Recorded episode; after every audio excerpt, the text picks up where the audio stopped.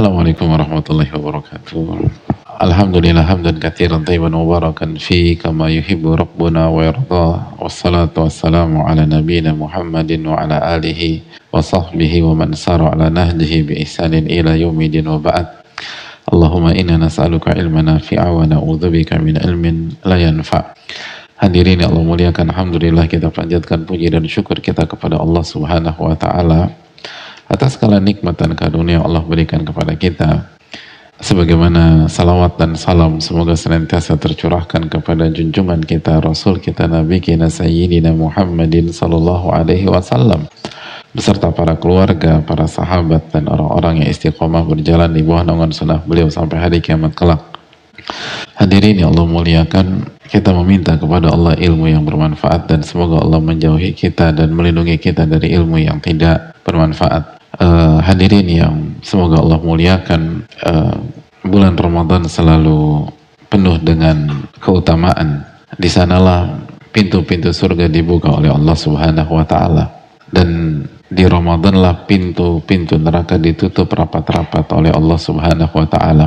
Di Ramadan lah gembong-gembong syaitan itu dibelenggu oleh Allah Tabaraka wa taala. Di sanalah Al-Qur'an itu diturunkan di sanalah ada malam yang lebih baik daripada seribu bulan. Lailatul Qadri khairun min alfi syahr. Lailatul Qadar itu lebih baik daripada seribu bulan. Bulan yang penuh dengan rahmat Allah subhanahu wa ta'ala. Bulan yang dipenuhi dengan keberkahan, kebaikan. Bulan yang dinanti, ditunggu para ulama-ulama besar, orang-orang soleh itu berdoa selama enam bulan untuk bisa bertemu dengan bulan ini. Enam bulan non-stop. Mereka berdoa semoga Allah sampaikan mereka di bulan Ramadan. Mereka berdoa semoga Allah memberikan taufik sehingga mereka bisa beribadah di bulan Ramadan. Karena bulan ini terlalu besar untuk dibicarakan. Ia adalah waktu yang sangat spesial. Namun hadirin yang Allah muliakan, ternyata enggak semua orang berhasil di bulan Ramadan tidak semua orang itu mampu memaksimalkan di bulan Ramadan dan diberikan taufik oleh Allah Tabaraka wa Ta'ala. Padahal bulan ini sangat singkat. Bulan ini sangat singkat. Satu bulan rasa beberapa hari. Sebagaimana yang Allah firmankan di dalam Al-Baqarah ayat 184. Dan itu yang kita rasakan setiap waktu atau setiap tahun. Kok udah hari ke-10 aja ya? Lalu nanti ada nyeletuk. Kok udah setengah bulan ya? Nanti nyeletuk. Kok udah 10 malam terakhir ya? Cepet banget kayaknya baru kemarin kita mulai berpuasa. Kok besok udah mau lebaran ya? Dan itu perasaan yang dialami oleh kita. Dan itu bukan sugesti. Sebagai ulama kata memang rasanya tuh demikian sangat cepat. Oleh karena itu hadirin Allah muliakan perlu kita sikapi dengan serius. Dan kita juga sudah sempat bahas bahwa hendaknya di momen terbaik ini atau momen spesial ini kita pun hendaknya bukan sekedar tampil baik saja, tapi hendaknya kita tampil spesial. Jadi jangan hanya sekedar tampil baik, apalagi jadi tim hore. Ini perhelatan akbar, ini Ramadan dan dijelaskan oleh para ulama seperti dijelaskan oleh Al-Imam Ibnu Qudamah dalam Mukhtasar Minhajil Qasidin bahwa orang-orang dalam bulan Ramadan atau puasanya orang-orang luar Ramadan ada tiga, tiga level yang pertama somul umum, puasanya orang awam secara umum. Itu mereka tidak makan, tidak minum, dan tidak berhubungan suami istri. Itu puasanya umum. Adapun di level berikutnya, somul khusus. Puasanya orang-orang khusus, orang-orang spesial. Fahuwa kafun nazar wal lisan wal yad. Ia menjaga anggota tubuhnya dari dosa, menjaga anggota tubuhnya dari dosa. Bukan hanya nggak makan, nggak minum. Bukan hanya nggak berhubungan suami istri. Namun ia jaga anggota tubuhnya dari dosa. Ia jaga lisannya, ia jaga tangannya, ia jaga penglihatannya, ia jaga kakinya, ia jaga telinganya.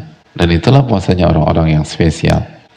Dan yang puncak, somu khususil khusus, puasanya orang-orang yang spesialnya spesialnya best of the best ini puasa orang-orang terbaik. Fahuwa somil qalbi anil dani'ah. Ini adalah puasanya hati dari ambisi-ambisi yang rendah. Puasanya hati dari virus-virus hati.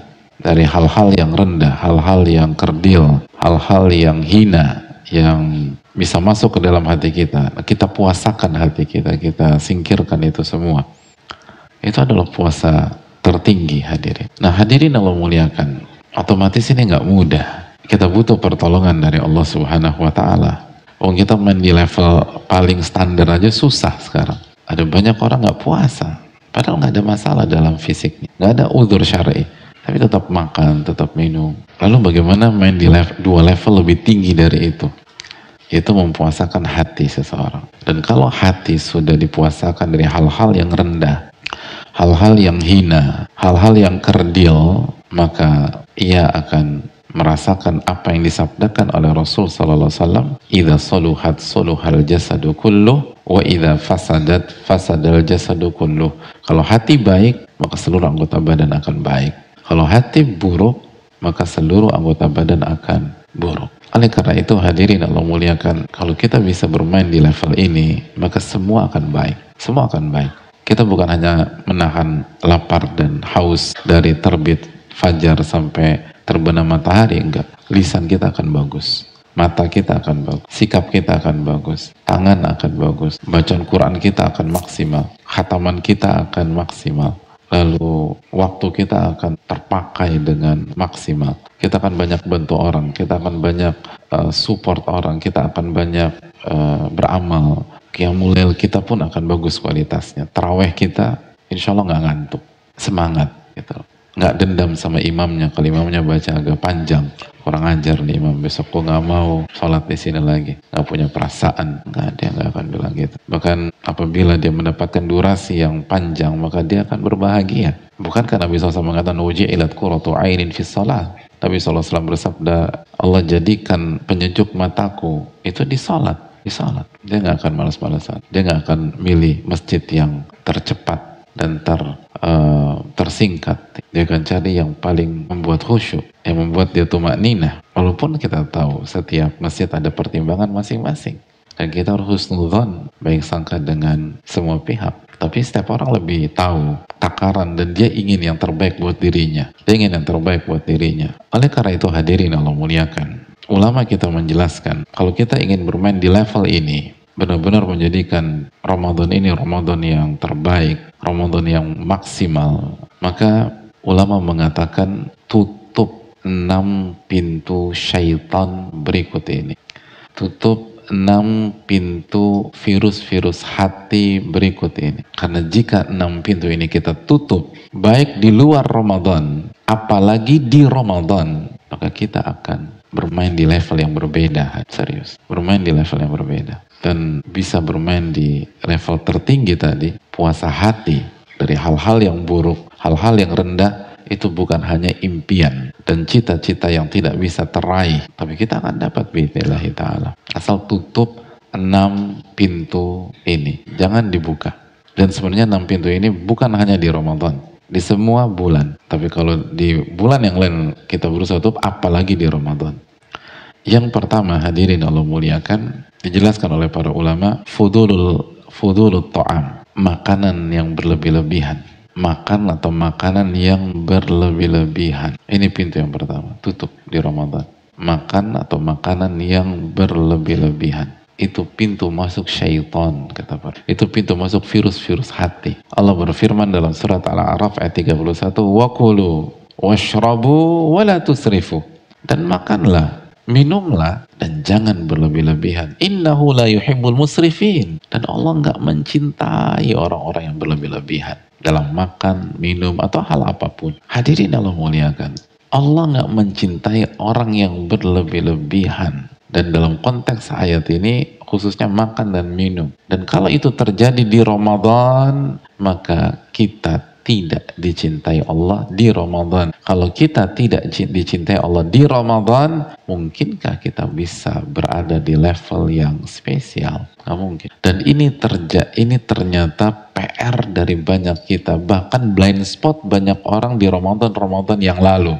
Sehingga tidak maksimal dan mereka nggak ngerti apa salah saya. Dan bisa jadi kesalahannya adalah justru hal-hal yang diandalkan pada saat Ramadan. Coba kita jujur hadirin sekalian. Dan kita flashback ke belakang. Bukankah sebagian bahkan banyak di antara kita makanan berlimpah ruah itu di bulan apa hadirin? Ramadan bisa jadi. Ramadan. Jadi Ramadan memang bulan puasa, tapi di sisi lain justru di Ramadan lah makanan banyak terbuang di sebagian rumah-rumah kita. Meja makan penuh dengan makanan. Semua ada. Gitu. Itu di Ramadan. Ada yang kebuang. Ada yang berhasil diselamatkan. Walaupun dengan konsekuensi tidur ketika terawih karena kekenyangan. Diselamatkan makan semua.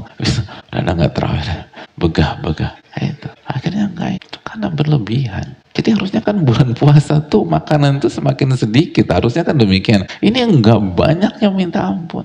Akhirnya jadi malas. Akhirnya nggak semangat baca Quran. Nah ini makanan.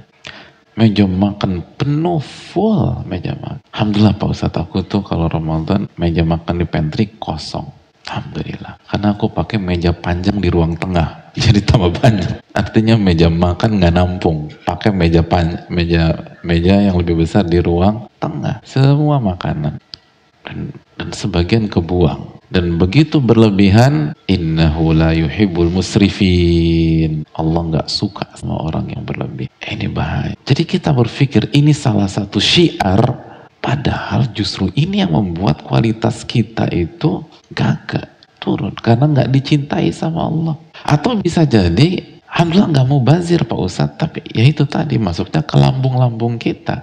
Kebanyakan makan juga nggak bagus hadirin.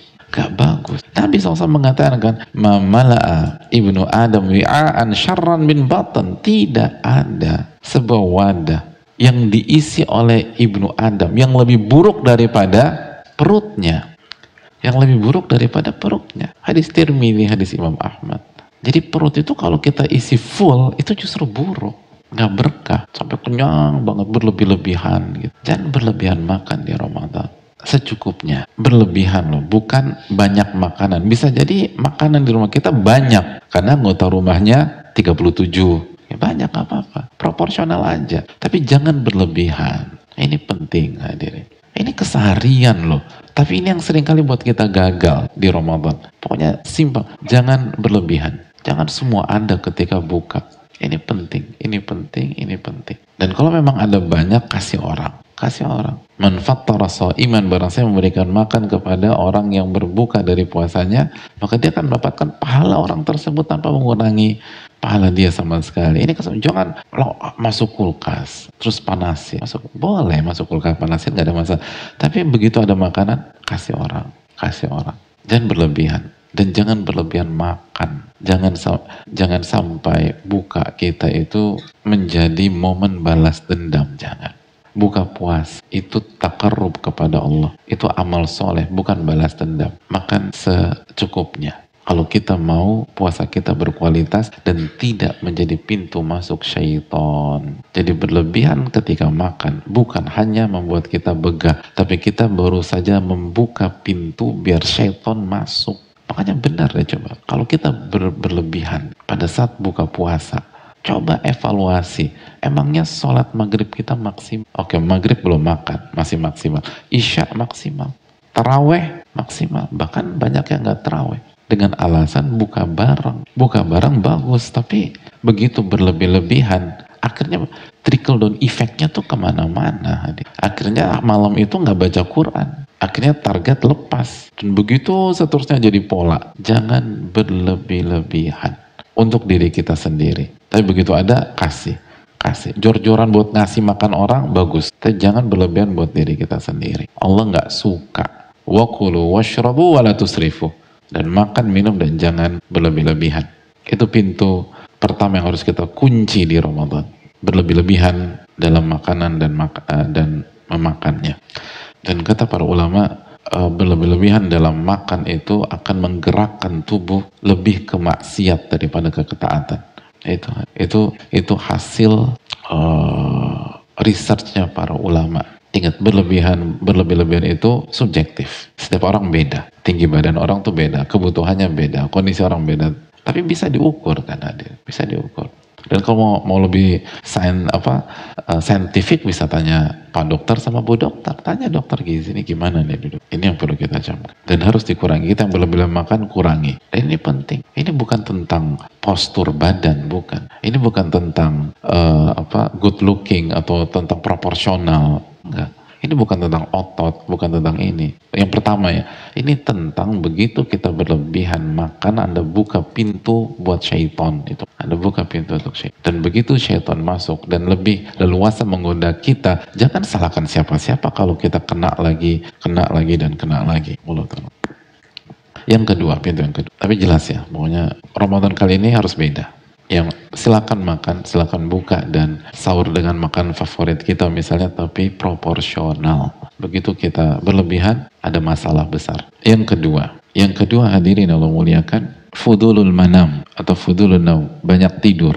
Nah ini, banyak tidur.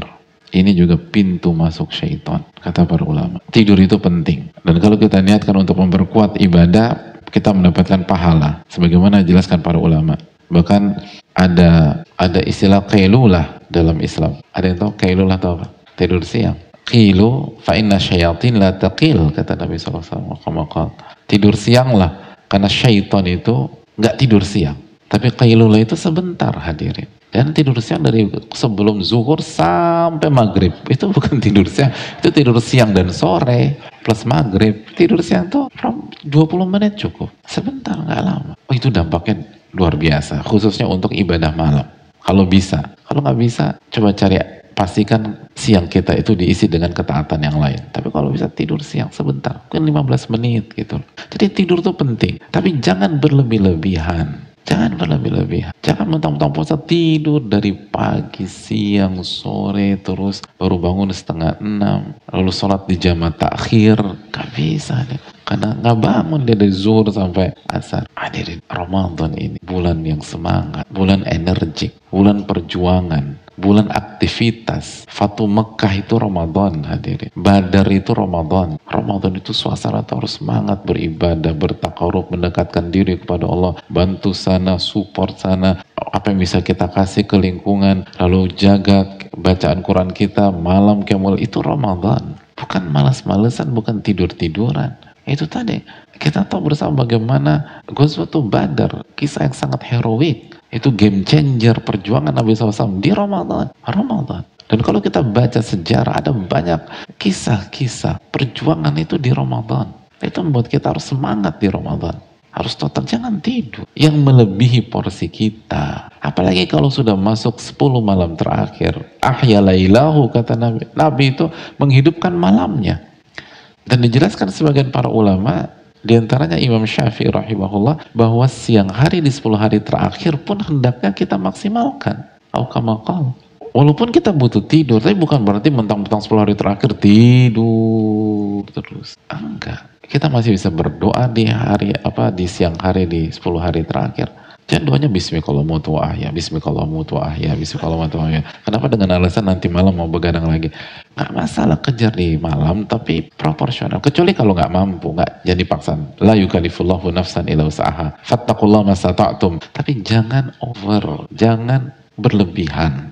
Ramadan itu bukan bulan santai. Ramadan itu bukan bulan yang apa leyeh-leyeh atau rebahan, bukan. Lihat Nabi kita SAW. Lihat para sahabat radhiyallahu taala anhum. Baca sejarah kita, lihat ini bulan yang semangat gitu Makanya kan man soma ramadhana imanan wa ihtisaban ghufira lahu ma taqaddama min dzambi.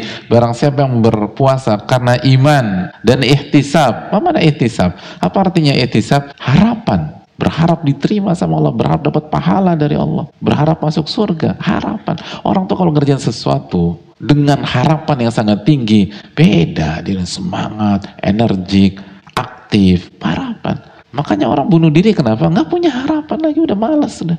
Orang kalau punya harapan beda, ngerjain segala sesuatu itu semangat. Oh semua, bahkan yang ada hubungannya semangat. Misalnya, misal antum gitu, antum berharap lamaran antum diterima oleh seorang wanita yang menurut kalkulasi nggak mungkin tertarik sama antum gitu mungkin karena cantiknya keterlaluan, terus kaya raya, terus hafidho, terus hafal Sahih Bukhari, Muslim, Tirmidzi, Abu Dawud, An-Nasai, Musnad Imam Ahmad, lalu Mustadrak Imam Hakim, Musannaf Abdul Razak, itu eh diterima tuh. Atau mungkin belum dapat mungkin belum diterima. Dapat telepon dari apa penghubung kita, harapan engkau besar nih. Kata ibunya itu terlihat dari bola matanya. Misalnya, kira-kira antum berdengar harapan besar mempengaruhi kinerja antum di rumah antum nggak? Oh itu langsung beres-beres rumah, ibu dibantu, cuci piring, baju dijemurin, oh semuanya gitu loh. Oh, yang awalnya males ngapa-ngapain, ibu lagi cuci, bantu dicuciin sampai pakaian bibi dicuciin juga, terus dijemurin, semua isi, isi rumah dibantu. Kenapa? Punya harapan besar hari itu. Harapan tuh beda dir. Orang tuh kalau punya harapan tuh semangat gitu loh. Nah semua atau amal-amal induknya Ramadan itu hadisnya sama. Man sama ramadhana imanan wa ihtisaban. Man qama man qama ramadhan imanan wa ihtisaban. Man qama lailatul qadri imanan wa ihtisaban. Barang siapa yang berpuasa Ramadan iman dan ihtisab. Barang siapa yang salat tarawih iman dan ihtisab. Barang siapa yang menghidupkan Lailatul Qadar atau mencari Lailatul Qadar iman dan ihtisab. Semua ihtisab ihtisab ihtisab. Ghufira lahu ma taqaddama min dzambi maka Allah akan ampuni dosa-dosa yang lalu. Harus ada ihtisab jadi kalau Nabi SAW mengatakan barang siapa yang puasa Ramadan iman dan ihtisab. Malamnya im, barang siapa yang terawih iman dan ihtisab. Berarti kan kultur yang ingin Nabi SAW bangun, narasi yang ingin beliau bangun dan atmosfer yang ingin beliau bangun baik di pagi, siang, sore maupun malam itu narasi harapan. Karena ihtisab itu harapan hadirin.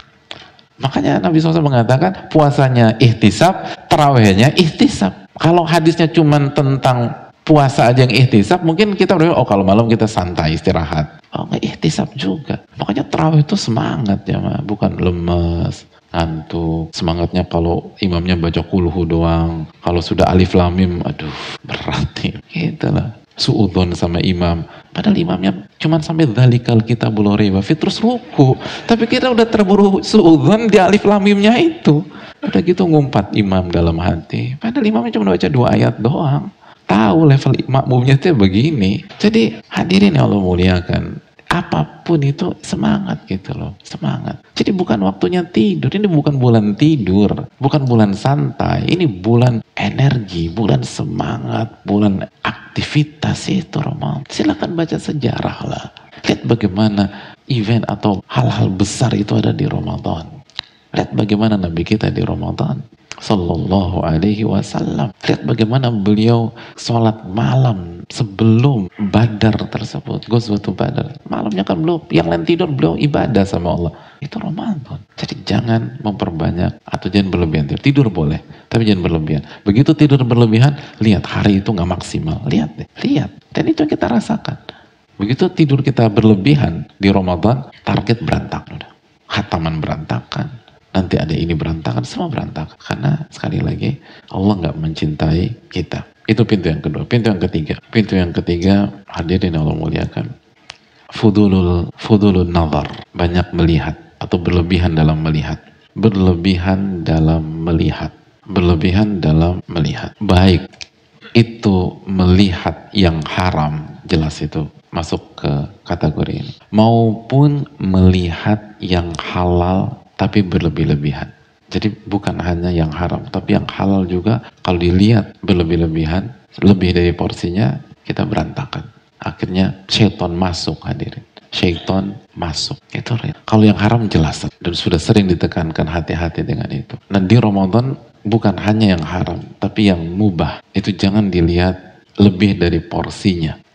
Hadirin saya mau tanya, di bulan Ramadan, mengapa sering kali di sebagian rumah kita, meja makan kita terisi oleh berbagai macam makanan berlintas madhab. Nggak nyambung kadang-kadang.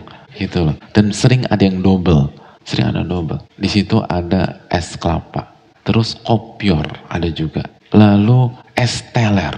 Ini kan tiga madhab jadi satu. Gimana ceritanya ini? Mau makan, mau minum yang mana?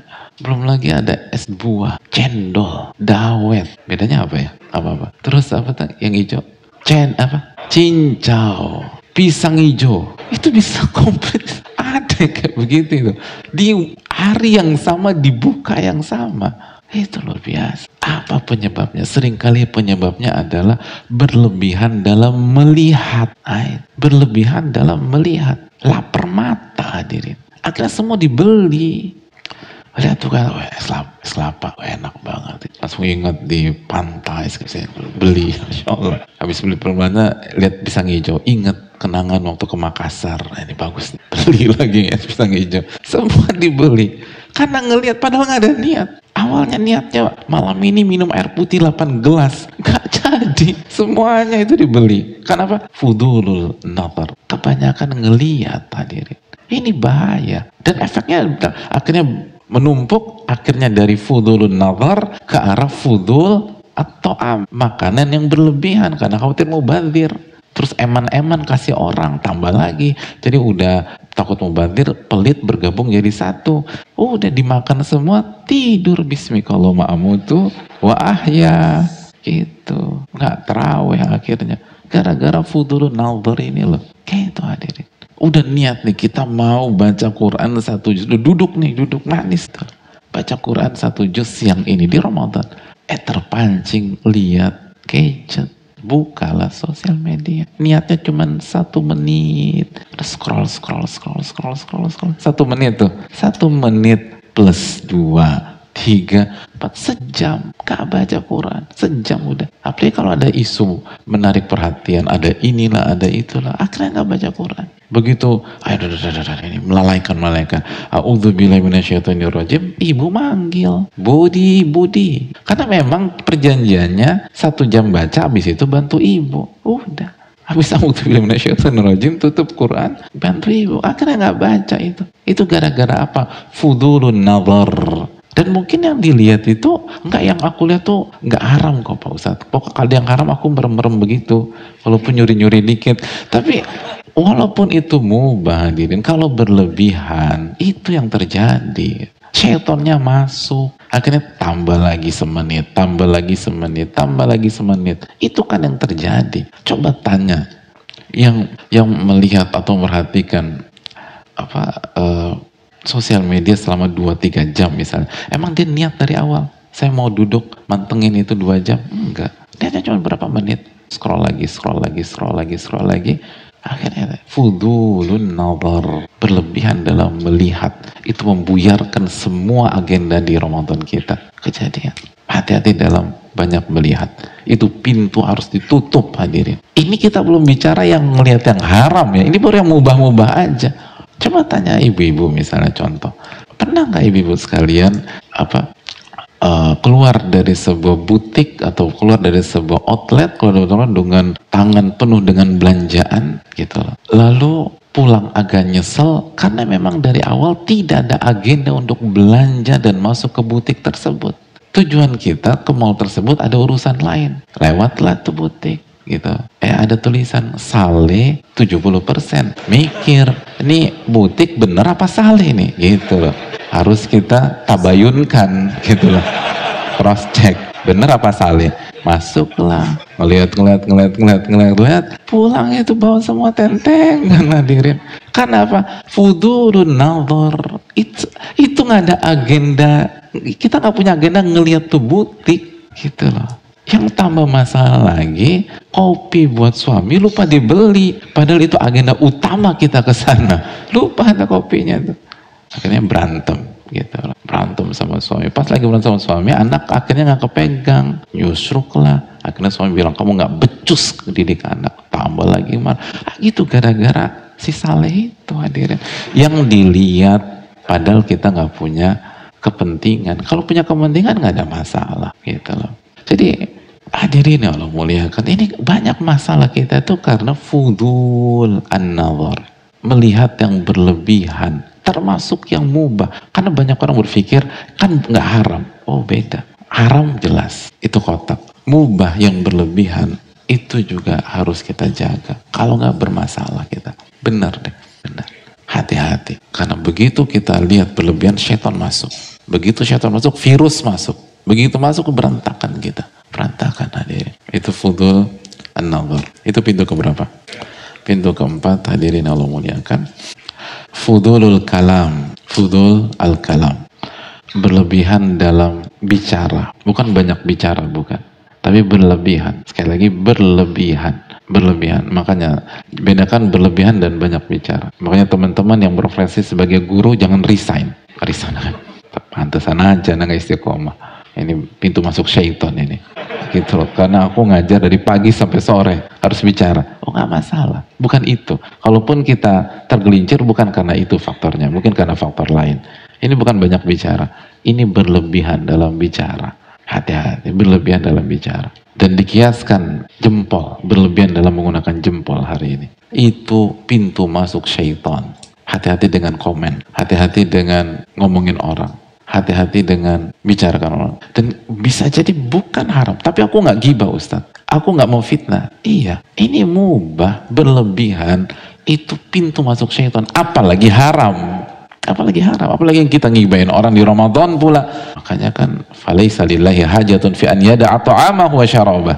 Allah nggak butuh dengan puasanya saat dia meninggalkan makan dan minumnya. Kalau dia masih tidak meninggalkan ucapan dusta. Ini bukan. Kita main di level tertinggi hadir. Kan kita jelaskan dari awal. Ini apabila kita mau bermain di level yang tertinggi. Kita nggak main di haram lagi usahakan. Tapi hindari hal-hal mubah yang berlebihan dalam pembicaraan-pembicaraan kita apalagi yang haram makanya hadirin sekalian kalau kita misalnya bully orang atau nyinyir sama orang atau komen komen secara negatif ke orang atau nyerang orang mungkin di sosial media kita dan orang itu nggak tahu siapa kita mungkin kita pakai ghost account atau pakai anonim dan lain seterusnya ingat bahwa begitu kita lancarkan itu kita sama saja membuka pintu masuk syaitan. Walaupun korban kita nggak tahu, walaupun pihak yang kita serang itu nggak tahu, tapi otomatis begitu kita lakukan itu, buka pintu masuk dan syaitan masuk dan mengoyak-ngoyak dan membuat kita terobrak-abrik hadirin. Hati-hati, hati-hati dengan lisan langsung maupun melalui gadget kita tersebut. Makanya kan la yastaqimu imanu abdin hatta yastaqima qalbu wa la yastaqimu qalbu hatta yastaqima lisanuh itu. Dan hati tidak akan istiqomah sampai lisannya istiqomah. Artinya apa? Itu tadi. Itu hadis Nabi SAW. Hati nggak akan istiqomah sampai lisan istiqomah. Jempol istiqomah sekarang. Artinya lisan dan jempol kita punya andil besar menghancurkan hati kita. Karena dengan cara itu kita buka pintu buat si syaitan masuk ke dalam hati. Dan virus-virus hati itu merajalela. Itu yang harus kita camkan. Makanya hadirin di Ramadan jangan kebanyakan ngobrol. Udah daripada ngobrol baca Quran. Baca Quran zikir, bantu orang, atau ikut kajian. Jangan banyak ngobrol. Jangan banyak ngobrol. Banyak zikir aja zikir. Hatamkan tuh Al-Quran. Jangan cerita ngobrol sama ini, curhat sama ini. Itu yang membuat masalah semakin ribet. Itu menyelesaikan masalah dengan masalah baru lagi. Karena begitu kita banyak bicara, repot. Banyak. Dan kadang-kadang kita komentarin gak penting gitu loh. Komentar nggak penting. Baju orang lah kita komentarin, outfit orang lah kita komentarin, wardrobe orang yang kita komentarin. Kayaknya dia nggak matching deh pakai itu deh. Kalau gue sih nggak banget pakai itu. Ya suka-suka dia, diri selama halal. Dan itu kenapa kita komen? Tak balik lagi tadi. Fudulun nazar. Melihat yang berlebihan itu. Jadi melihat, melihat berlebihan itu kenanya ke mana-mana tuh hadirin. Akhirnya kita bicara berlebihan, komentar berlebihan. Gitu. Coba kalau kita ngeliat, kita nggak komen. Iya kan? Kalau kita nggak lihat, kita nggak komentar. Hati-hati. Hati-hati bicara. Mensomata naja, kata Nabi SAW. Barang siapa yang diam, dia selamat. Barang siapa yang diam, dia selamat. Itu sabda Nabi SAW. Maksudnya apa? Kembali ke hadis Bukhari yang lain. Man man man kana yu'minu billahi wal yawmil akhir falyakul khairan aw liyasmut barang siapa yang beriman kepada Allah dan hari akhir hendaknya dia berkata baik atau diam hendaknya berkata baik atau diam jadi kata para ulama dipikir dulu kalau mau bicara, dipikir dulu kalau bicara. Ada sebuah hadis yang diriwayatkan dari Imam Tirmidzi. Jadi hadis ini diriwayatkan bahwa ada seseorang meninggal di zaman Nabi SAW. Lalu para sahabat langsung mengatakan sebagian sahabat mengatakan tuh balahu beruntung nih orang. Kata Nabi SAW, "Wa ma yudrika la'allahu takallama fi ma Tahu dari mana kalian dia beruntung? Bisa jadi selama hidupnya dia berbicara sesuatu yang bukan urusannya. Au bakhila bima la Atau dia pelit terhadap harta yang tidak akan merugikan dia. Kalau kita infak kan harta itu nggak akan rugikan kita hadirin. Nggak akan mengurangi kita. Ya. Jadi kata dalam riwayat ini dikata, ah, tahu dari mana kalian dia beruntung. Bisa jadi dalam hidupnya dia membicarakan sesuatu yang bukan urusan dia. Allahu Akbar. Ini kita berapa banyak bicarakan yang bukan urusan kita. Jadi pertanyaannya, bisakah kita beruntung pada saat kita wafat hadirin? Dan lebih celakanya lagi kita bicarakan itu di Ramadan. Akhirnya bukan hanya nggak beruntung, tapi nggak beruntung di Ramadan. Tahu dari mana kalian dia beruntung? Bisa jadi dia selama hidupnya membicarakan sesuatu yang nggak bukan urusan dia. Dan hadirin urusan kita aja udah akan membuat kita repot di hari kiamat. Lalu kita mau ngurus urusan orang. Kecuali kalau kita mau bantu, kita mau support, kita itu itu bagus. Tapi oh, cuman komen, ngebahas segala macam. Tidakkah kita yakin itu akan dihisap oleh Allah? Dan itu pintu masuk syaitan. Akhirnya berdampak ke semua ibadah kita di bulan Ramadan. Akhirnya itu tadi. Seringkali di sering kali di di di sebagian masjid misalnya atau di sebagian jamaah iktikaf di sebagian masjid itu yang membuat nggak maksimal tuh karena apa? Iya, karena di sana bukan hanya sholat berjamaah, bukan hanya buka puasa berjamaah, sahur berjamaah, tapi juga curhat berjamaah dan ngobrol berjamaah. Dan ketika udah curhat panjang kali lebar, di masjid sih gitu loh, tapi tetap aja ngobrol ke sana, ngobrol ke sana, akhirnya Quran nggak dibaca. Udah selesai sama yang pojok kanan, lihat lagi, itu lagi baca Quran sendirian datangin, ngobrol. Loh iya, ini yang ketawa-ketawa yang expert-expert nih. Expert itikaf maksudnya, bukan expert ngobrol. Enggak. Kan fenomena kayak gitu terjadi enggak? Jadi ada. Ila man rahimah. Dan kalau kita termasuk, ya udah perbaiki di tahun ini. Nggak usah berkecil hati. Perbaiki aja. Kebanyakan ngobrol ini berantakan kita. Allah. Pintu yang berikutnya, pintu keberapa? Hah? Pintu kelima. Pintu kelima, fudul al-istima. Fudul al-istima. Berlebih-lebihan dalam mendengar. Berlebih-lebihan dalam mendengar. Dan berlebih-lebihan dalam mendengar, sekali lagi itu pintu masuk syaitan. Pintu masuk syaitan. Dan yang dimaksud mendengar ini berlebihan dalam mendengar yang pertama jelas mendengar yang haram. Mendengar gibah, mendengar fitnah, cacian, makian, tanpa alasan syar'i nggak boleh. Dan itu ngerusak hati kita, ngerusak. Jadi apa sebagian sebagian kita bilang, aku aku kan enggak enggak, aku kan hanya mendengar. Aku bukan yang bicara. Anda mendengar itu ngerusak diri Anda. Jadi sebagian ber, sebagian berpikir ini ini sebatas dosa dan yang berdosa yang bicara. Enggak. Ini dosa yang bicara sama yang mendengar. Terus itu sama saya ngebuka pintu syaitan masuk. Bukan hanya dosa, syaitan masuk dan akan mengobrak-abrik hati kita. Itu masalahnya. Makanya coba lihat deh. Kalau misalnya mungkin kita pernah bergibah atau mendengarkan gibah sebelum sholat asar. Pas sholat asar. Emangnya khusyuk sholat kita? Enggak. Emang syaitan masuk kok sebelum asar. Dan ngerusak hati kita. Ini tentang kita. Jadi jangan kesian banget ya dia diomongin orang. Anda jangan kesian-kesianin orang. Walaupun tetap kita harus jaga kehormatan orang. Tapi begitu Anda dengar, itu merusak hati Anda. Makanya kata Allah tegaslah. Kalau ada orang mau menggibahi saudara kita depan kita, jangan didengarkan. Gak boleh didengarkan. Dan bilang, saya gak mau. Kalau tetap itu saya akan angkat kaki tanpa menggunakan rasa hormat. Kenapa demikian? Karena dia sama saja memasukkan virus ke dalam hati kita. Dia sama saja ngebuka pintu hati kita untuk dimasuki oleh syaitan. Kok dengan polosnya kita kasih? Itu ngerusak. Jadi jangan pernah mau mendengarkan hal tersebut. Rusak. Kita udah ribet. Nah hati kita ribetnya minta ampun. Terus kita kasih kesempatan orang ngebuka pintu syaitan. Lah jangan. Jadi begitu sebatas kita dengar, itu kan berlebih-lebihan. Orang bukan urusan kita. Kecuali kalau kita memang harus ngebahas sesuatu. Lalu kita mau menasehati dia. Karena sayang dan cinta karena Allah kepada dia. Itu perkara lain. Tapi kalau cuma dengar, nanti ada isu ini, ada isu itu. Itu ngerusak hati hadir. Tapi boleh di tangan kita. Ya siap nggak kalau pintu itu dibuka lalu kita kewalahan sendiri ngadepin itu semua makanya kan para ulama kan tegas nggak mau mereka dengar dengar hal-hal seperti itu itu yang perlu kita camkan. Begitu juga dengan membicara apa, mendengar hal-hal yang nggak ada urusannya. Ada urusannya. Kalau kita di Ramadan, udah bahas tentang Ramadan lah. Atau kegiatan yang berkaitan dengan Ramadan. Nggak usah bahas tentang A, tentang B, tentang C. Ini nggak ada hubungannya. Atau ini bisa kita bahas di Syawal kan? Bisa. Ya udah Syawal aja kita bahas. Kecuali kalau kita nggak bisa bahas kecuali di Ramadan. Oke kita, oke Anda bicara saya dengarkan. Tapi kalau tunggu tunggu tunggu, Anda mau bicara tentang apa? Uh, tentang saya mau ini mau cerita, saya mau ceritakan soal persiapan saya uh, tentang haji, tolong di, didengarkan apakah ada yang kurang atau enggak. Oke, okay, hajinya tahun berapa? 2029. Ya nanti aja. Nanti pas 2029 kita ketemu atau 2028 lah. Ini bed kadang-kadang tuh kita tuh suka lucu. Kalau bos mata ya kan yang depan mata hilang udah. Gara-gara kita dengar, kita dengar dan ingat, men, sering kali kultur kita ayo pakai wuh, nggak enakan. Mungkin kita nggak bicara, tapi kita nggak enakan untuk menghentikan pembicaraan. Tetap harus beradab, nggak boleh kurang ajar. Tapi kalau itu sampai ngebuka pintu syaitan, janganlah hadirin. Gara-gara kita dengar waktu habis. Gara-gara kita dengar hati kita sakit. Walaupun tidak haram, apalagi haram.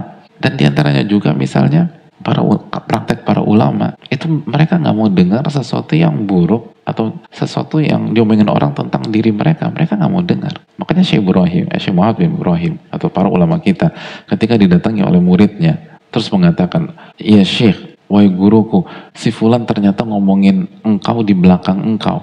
Sebelum dilanjutkan, apa kata sang guru, kata gurunya, apakah syaitan nggak punya kurir selain anda? Ngapain saya melaporkan hal ini? Udah, saya ada kegiatan, saya nggak punya waktu, assalamualaikum, pergi. Kamu dengar mereka, beda sama kita. Eh, oke, oke, dia ngomong apa tentang gua? Ah, saya ingin tanya, begitu kita dengar semua pembicaraan orang tentang diri kita, hati kita tenang, selamat pintu syaitan Anda buka sendiri dan dia mengobrak abrik hati Anda. Ada sholat gak khusyuk, kok tega dia ngomong itu tentang kepada saya. Kok dia, padahal kalau kita nggak dengar hadirin, aman hati kita. Dan kita dapat pahalanya. Dia kirim pahala ke kita. Dan kita nggak terusik sama sekali. Siapa yang suruh dengar? Siapa yang suruh dengar? Itu yang perlu kita camkan. Kecuali kalau memang itu urusan kita. Kepentingan akhirat kita atau duniawi kita. Silakan dengar. Ramadan jaga telinga. Begitu enggak, mohon maaf, mohon maaf aku harus ini. Baik bicara baik-baik, bicara baik-baik, mohon maaf aku nggak bisa dengar ini. Apalagi jika hal itu haram. Oke. Okay. Yang terakhir, yang keenam, hadirin sekalian, apa yang keenam? Fudulu mukhalatatin nas, bergaul berlebihan, berinteraksi berlebihan. Ini pun juga buka pintu buat syaitan. Bergaul berlebihan, berinteraksi berlebihan, ngumpul berlebihan. Baik dari sisi dengan siapa kita bertemu dan atau dari sisi durasi kita bertemu dan sebab kita bertemu itu juga penting. Jadi pastikan khususnya di Ramadan silakan bergaul tapi harus mundobil artinya harus terukur bergaul haruslah hadirin berbuat baik harus apalagi amalan sosial harus ditekankan kan Nabi SAW kerihil mursalah kedermawan Nabi SAW itu di Ramadan seperti angin yang berhembus kalau ada angin yang berhembus dari luar masjid ini masuk ke sini, itu semuanya kena. Masa pertama, kedua, ketiga, terakhir tuh kena. Gak mungkin saf terakhir tuh gak kena. Kenapa? Masbuk dia jangan dikasingin. Kan gak mungkin. Kalau angin berhembus itu semua kena. Jadi sebisa mungkin merata itu keder kedermawanan seseorang ketika Ramadan. Karena Nabi SAW dermawannya itu merata. Jadi ada interaksi. Dan Nabi SAW ajwa dan nas. Wa ajwadu ma yakunu fi Ramadan. Beliau adalah orang yang paling dermawan dan puncak kedermawan Nabi SAW kapan? Di Ramadan. Jadi bukan eksklusif atau bukan sibuk sendirian, bantu orang, support orang.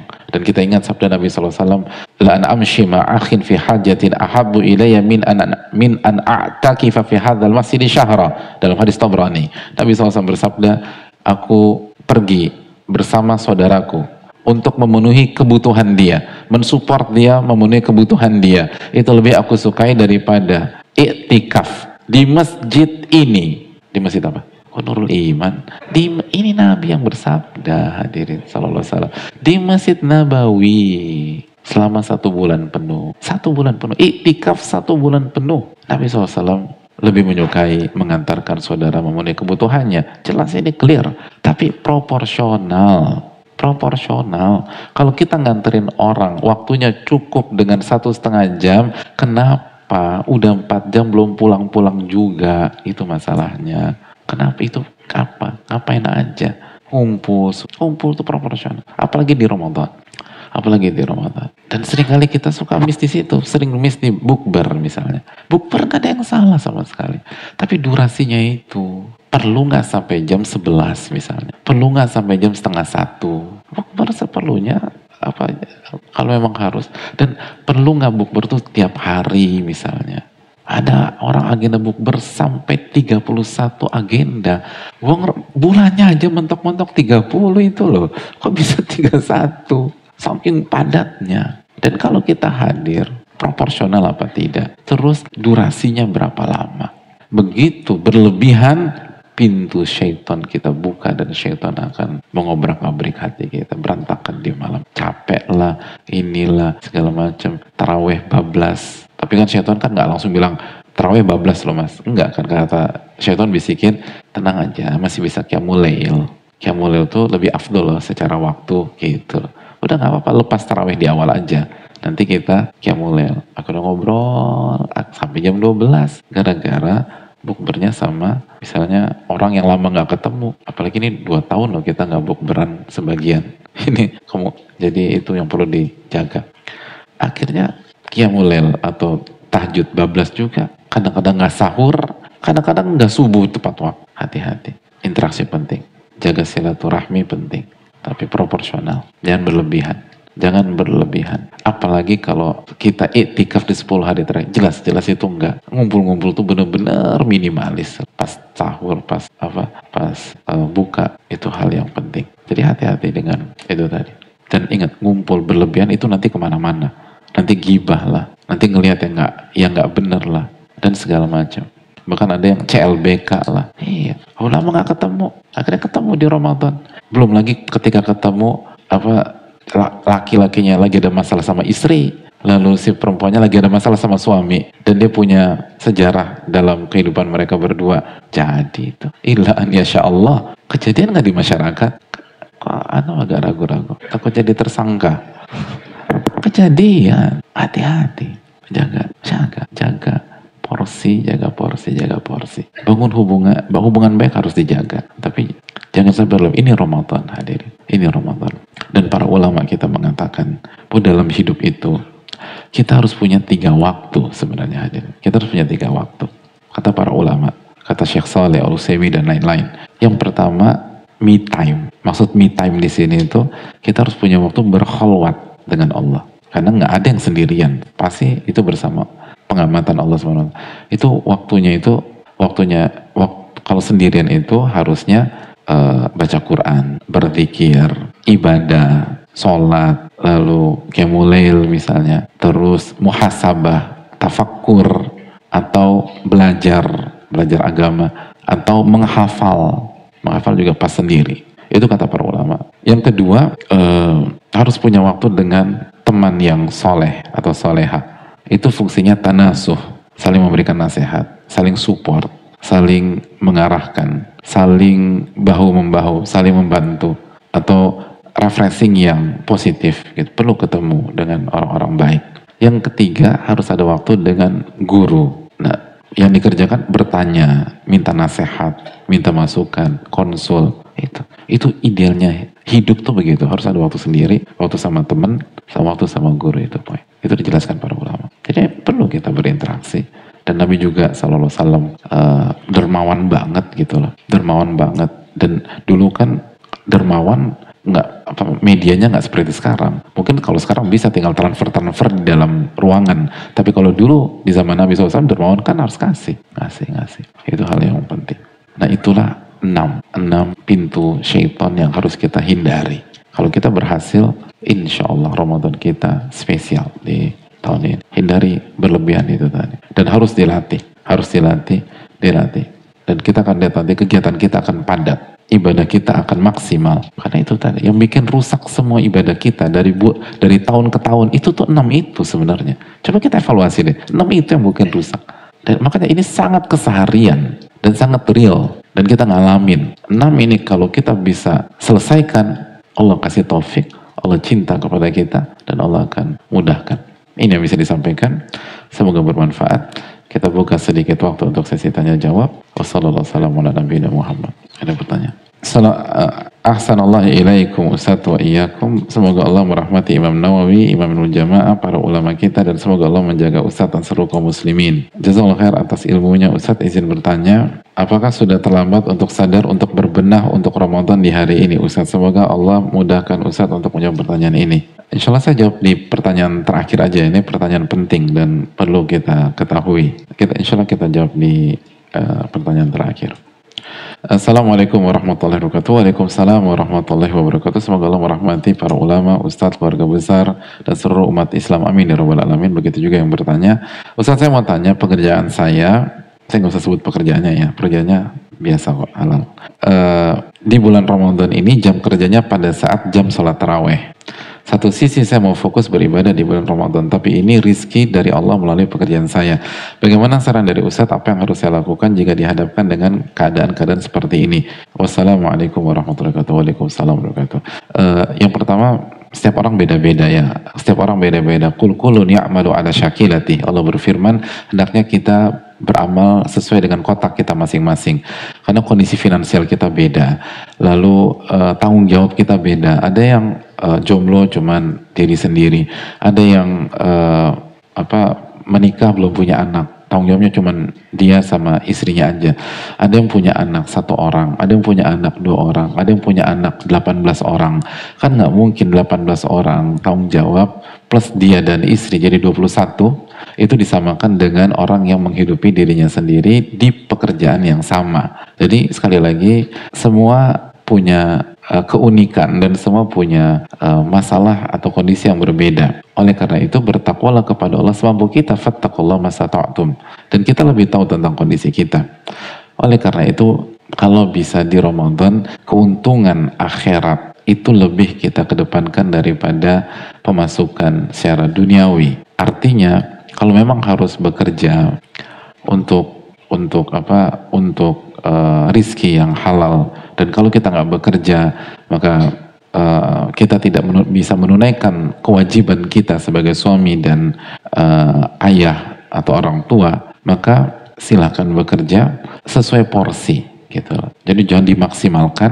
Nah, waktu yang ada itu dimaksimalkan untuk ibadah. Jadi dan yang jadi poinnya adalah silakan bekerja dengan niat. Niatnya itu untuk menjalankan kewajiban memberikan nafkah dan memberi apa menjalankan atau menafkahi keluarga hukumnya apa? Wajib. Dan mengerjakan yang wajib itu dicintai oleh Allah apa tidak? Sangat dicintai oleh Allah. Maka niatkan untuk mengerjakan kewajiban. Sehingga kita mendapatkan pahala wajib di bulan Ramadan. Itu sangat besar. Terus yang kedua, tadi kita katakan proporsional. Jadi kalau ternyata satu bulan ini uh, bisa di cover dengan dua atau tiga malam, ya udah habis malam keempat fokus ibadah, nanti kita cari lagi pada Ramadan. Itu idealnya. Walaupun nggak wajib, tapi kalau bisa demikian itu afdol. Karena kalau para ulama tuh liburnya udah dari Sya'ban sebagiannya. Tapi memang nggak semua, karena setiap ulama kan kondisinya beda-beda. Jadi yang bisa yang bisa uh, apa namanya libur itu bagus sekali. Nggak bisa diminimalisir uh, aktivitasnya. Ada salah di antara jamaah ada yang bisa ambil cuti satu bulan penuh. Masya Allah. Tapi nggak semua orang bisa demikian. Ada yang bisa 25 hari, ada yang bisa 20 hari, ada yang bisa hanya di 10 hari terakhir. Setiap orang beramal sesuai dengan kotaknya. Dan kita jujur sama Allah, Allah yang maha tahu Ramadan ini maksimalkan akhirat sebelum dunia. Dan nanti pas Ramadan silakan normal lagi. Allah Ta'ala misal. Assalamualaikum warahmatullahi wabarakatuh. Waalaikumsalam warahmatullahi wabarakatuh. Semoga Ustadz dan tim jamaah serta kaum muslim selalu mendapatkan perlindungan dan keberkahan dari Allah. Amin ya rabbal alamin. Ustadz mau bertanya, manakah yang lebih utama dalam berbuka puasa ketika mendengar azan? Berbuka dulu atau menjawab azan atau berbuka sambil menjawab azan dalam hati? Jazakallah khair, semoga Ustadz diberi kemudahan untuk menjawab. Terima kasih atas pertanyaan. Uh, insya Allah nggak ada kontradiksi, begitu masuk waktu, buka jadi buka itu bukan dengar adzan, tapi masuk waktu, masuk waktu. Karena bisa jadi muadzinnya buka dulu baru adzan. Dan ada muadzin itu bukanya pakai nasi kotak. baru habis itu adzan. Ya ada memang, bisa demikian dan bisa jadi satu apa satu satu lingkungan itu udah sepakat gitu. Jadi parameternya bukan itu. Jadi habis itu baru dia adzan. Jadi patokannya poinnya bukan adzan tapi masuk waktu. Kan itu yang dalam yang Allah firmankan dalam surat Al-Baqarah ayat 187. Thumma atimus siyama ilal lail, ilal lail. Dan bisa jadi di sebuah lingkungan wilayah nggak ada adzan. Terus mana? Mau buka, mau puasa terus? Mas, mas, ini udah jam 10 malam, kok nggak buka? Belum dengar adzan. Emang di sini tuh nggak ada adzan, mas. Gitu. Misalnya demikian. Yang yang yang merupakan syiar dikumandangkan. Ada nggak negara-negara seperti itu? Ada. Jadi hadirin Allah muliakan masuk waktu malam, masuk waktu malam atau masuk waktu maghrib. Jadi itu begitu masuk waktu maghrib buka karena sunnah Nabi SAW menyegerakan berbuka. Sunnah Nabi SAW gitu. Jadi pentingnya disunahkan dan kita akan dapat pahala berbuka dan dan apa namanya dan mengerjakan sunnah Nabi SAW menyegera berbuka. Nah habis itu begitu lanjutlah dengar azan dan uh, jawab gitu loh. Jadi pas dengar begitu selesai jawab, dengar mungkin sambil minum begitu selesai jawab kan itu bisa dilakukan. Allah taala bisa. Assalamualaikum Waalaikumsalam warahmatullahi wabarakatuh. Semoga Allah melimpahkan rahmatnya kepada para ulama, ustadz dan seluruh muslim dan muslimah. Amin. Ya Rabbal Alamin. Ustadz saya tahun ini adalah puasa pertama tanpa orang tua karena saya baru ditinggal ibu tercinta dan Allah rencananya saya, saya eh, rencana saya untuk menikah juga tidak terlaksana karena pasangan saya berbuat hal yang sangat tidak baik dan kami berpisah. Bulan puasa kali ini buat saya sedikit harus berjuang lebih ekstra karena hal tersebut. Tapi Alhamdulillah dengan taufik Allah saat ini rutin ikut kajian dan hati saya lebih tenang dan siap untuk menyambut Ramadan. Tapi terkadang saya masih suka sedih teringat ibu saya. Apa saya terlalu berlebihan dan ibadah apa yang harus saya lakukan supaya saya bisa lebih istiqomah dan maksimal ibadah di bulan Ramadan. Jazakallah khairan. Terima kasih atas pertanyaannya dan semoga Allah uh, memberikan nikmat kubur buat uh, ibu beliau dan seluruh orang tua kita. Amin ya rabbal alamin. Seharusnya kita lebih semangat di Ramadan kali ini. Karena untuk kita dan untuk ibu kita. Ibu kita udah nggak bisa puasa, tapi kita bisa berpuasa. Dan kalau kita beribadah, pahalanya sampai ke ibu kita dijelaskan sebagian para ulama ketika para ulama menjelaskan tentang idamata benu Adam in kata amalu jika anak Adam meninggal maka terputuslah seluruh amalnya ila min thalath kecuali tiga perkara yang pertama uh, sedekatun jariyah wa ilmun yuntafa'u bi wa waladun salih yad'ulah. Yang pertama adalah sedekah jariyah, yang kedua adalah ilmu yang bermanfaat dan yang ketiga anak yang soleh atau soleh yang senantiasa mendoakan dia. Yad'ulahu itu berdoa itu dijelaskan sebagian para ulama seperti Syekh Utsaimin rahimahullah itu sebagai sampel bukan hanya doa tapi semua ibadah yang dikerjakan anak yang soleh itu sampai ke orang tua seperti orang tua mengerjakan sendirian atau seperti orang tua mengerjakan sendiri. Itu hal. Kenapa demikian? Karena doa huwal ibadah. Doa itu inti ibadah. Makanya kan doa itu punya makna dua. Yang pertama makna khusus yang kedua makna umum. Makna khusus apa? Meminta. Makna umum ibadah. Jadi semua ibadah itu doa. Gitu jadi itu artinya adalah puasa yang dikerjakan seorang anak di Ramadan tahun ini jika diterima oleh Allah itu otomatis pahalanya masuk ke orang tua. Sholat yang dilakukan seorang anak itu sampai ke orang tuanya. Seperti orang tua yang sholat. Maka kita harus semangat harusnya. Jadi itu harus jadi cambuk kepada kita. Semangat kita harus dua kali lipat. Karena ini bukan hanya tentang saya, tapi ini tentang ibu saya. Ibu saya nggak bisa ruku, tapi saya masih bisa ruku. Ibu saya udah nggak bisa puasa, saya masih bisa puasa. Atau ayah saya, atau ada yang dua kedua orang tuanya udah meninggal di Ramadan tahun ini. Harus lebih semangat lagi. Bukan bukan lemas. Tapi syaitan ya begitu. Syaitan kan ngembosin semangat kita. Akhirnya kita nggak ada gairah. Dan akhirnya nggak maksimal. Wallahu ta'ala alam bisawab. Tapi yang uh, terakhir hadirin Allah muliakan assalamualaikum yang tadi kita sampaikan. Apakah sudah terlambat untuk sadar untuk berbenah untuk Ramadan di hari ini? Dan semoga Allah mudahkan Ustadz untuk menjawab. Hadirin Allah muliakan idealnya memang kita start dari awal Syakban misalnya. Tapi jika kita berada di pagi ini dan dan kita merasa hari-hari kemarin tidak maksimal hadirin jangan lihat ke, jangan lihat kemarin lihat hari pakai lihat pagi ini siang ini sore ini Gitu. Allah Ghafurur Rahim. Inna rahmati sabaqat ghadabi. Rahmat Allah, rahmatku mengalahkan murkaku kata Allah Subhanahu wa taala. Maka persiapan hari ini bangun atmosfer hadirin. Walaupun waktu nggak banyak, tapi bangun atmosfer. Sebagian para ulama membawakan hadis idza sami'tumul iqamah famshu ila shalah fa'alaikum as-sakinah wal waqar. Apabila apabila uh, kalian mendengar dikumandangkannya iqamat, komat loh. Ini komat. Maka berjalanlah menuju sholat. Jarak antara komat dengan sholat cepat atau enggak? Cepat. Udah udah mepet. Adzan aja udah cepat. Tapi ini komat bukan adzan komat dan berjalannya alaikum sakinah wal waqar berjalanlah dengan tenang dan wibawa dan sebagian para ulama, sebagian para ulama dan ini disebutkan juga oleh Imam Ibnu Qayyim di salah satu kitab beliau bahwa tenang dan berwibawanya jalan seseorang menuju sholat itu ketik salah satu salah satu yang dilakukan adalah membangun atmosfer sholat sebelum takbiratul ihram sudah membangun atmosfer sebelum kita takbiratul ihram. Suasana tuh sudah suasana sholat. Harus bangun ambience gitu loh hadirin. Tentang sholat. Makanya hadirin sekalian, coba kita lihat. Ketika kita sholat sambil balas WA, walaupun gitu loh, begitu sampai ke soft, sentaro Allahu Akbar. Emangnya khusyuk? Karena Anda nggak membangun ambience dan suasana tersebut. Itu penting dan lihat di semua bidang, di semua bidang orang-orang terbaik sebelum start itu mereka semua bangun atmosfer.